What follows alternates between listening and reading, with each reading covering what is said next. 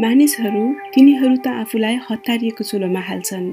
तर आफूले के खोजिरहेको हो त्यो कुरा चाहिँ तिनीहरूलाई थाहा हुँदैन। अनि तिनीहरू छटपटाउँछन् र बिना कामै भौतारिन्छन् फुचे राजकुमारले भन्यो। र उसले फेरि भन्यो यो सब बेकार हो। हामीले भेटाएको कुवा सहाराको इनार जस्तो देखिँदैन थियो। सहारामा त इनारहरू बालुवामा मामुली दुलो जस्तो गरी खनिएको हुन्छ। हामीले भेटाएको इनार कुनै गाउँको जस्तो देखिन्थ्यो। तर त्यहाँ कुनै गाउँ थिएन र मलाई सपना देखि चाहिँ लाग्यो। गजब भयो। सब ठिक छ। पुल्ली बाल्टिन र डोरी।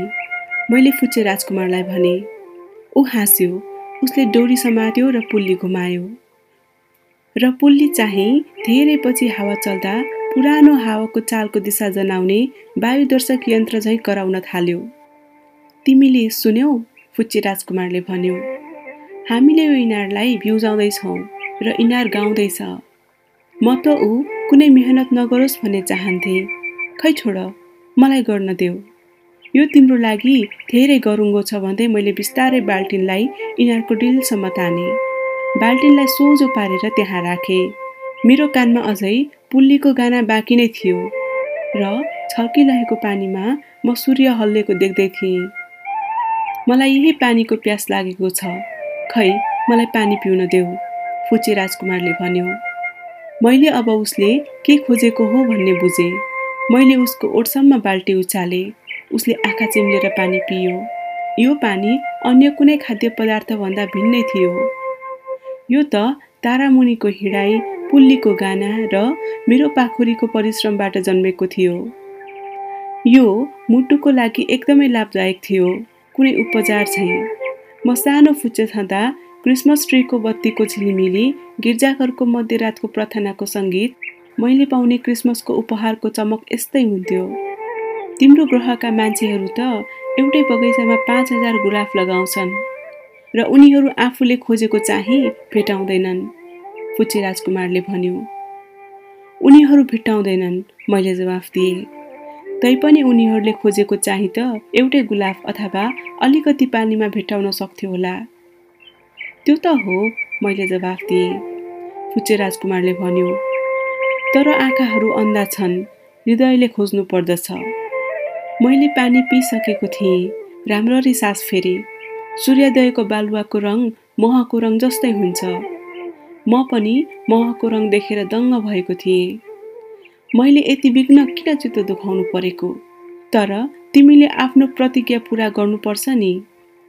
बिस्तारै फुचे राजकुमारले भन्यो जो अझै मेरो छेउमा बसेको थियो कुन प्रतिज्ञा? मलाई थाहा छ। मेरो भेडाको थुतुनोमा लगाउने एउटा महला। त्यो फुलको जिम्मेवार म हुँ। मैले खल्तीबाट आफ्नो चित्रहरूको खेसरा झिकेँ फुच्चे राजकुमारले यो देखेर हाँस्दै भन्यो तिम्रो बाहुबाको रुखहरू त कता कता बन्दागोपी जस्तो पो देखिन्छ त। ए म चाहिँ आफ्नो बाहुबादेखि निकै प्रफुल्लित थिएँ।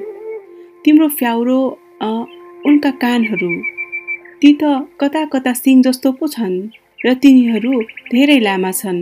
ऊ फेरि हाँस्यो तिमी त अन्यायी छौ राजा म त खुल्ला अजिङ्गर र बन्द अजिङ्गर बाहेक अरू कुनै थोकको चित्र बनाउन जान्दिनथे।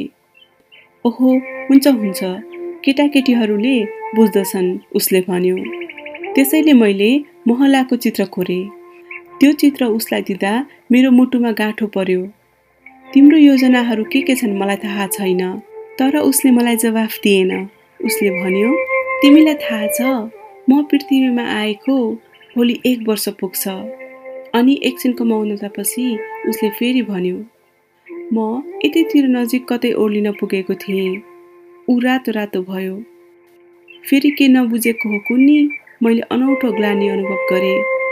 तैपनि ममा एक प्रश्न उठ्यो उसो भए आठ दिन अघि बिहान तिमी यहाँ कुनै बस्ती नभएको ठाउँमा घुम्दै गरेको बेला तिमीसँग चिनापर्ची भएको आकस्मिक घटना हो त? तिमी आफू ओर्लेको ठाउँतिर फर्किँदै थियौ? फुच्ची राजकुमार झन झन रातो भयो र मैले अलि हिचकिचाएर भने सायद वार्षिक उत्सवको कारणले गर्दा होला? फुच्ची राजकुमार फेरि झन रातो भयो। उसले कदापि मेरो प्रश्नको उत्तर दिएन तर जब मान्छेको अनुहार रातो हुन्छ त्यसको मतलब हो हो हुन्छ होइन त? ए मलाई डर लाग्यो उसले मलाई भन्यो। अनि उसले मलाई जवाफ दियो अब तिमीले काम गर्नुपर्छ। तिमीले आफ्नो मेसिनतिर जानुपर्दछ। म तिमीलाई यही कुर्छु। भोलि बेलुका आउनु तर मेरो मनले मानेन।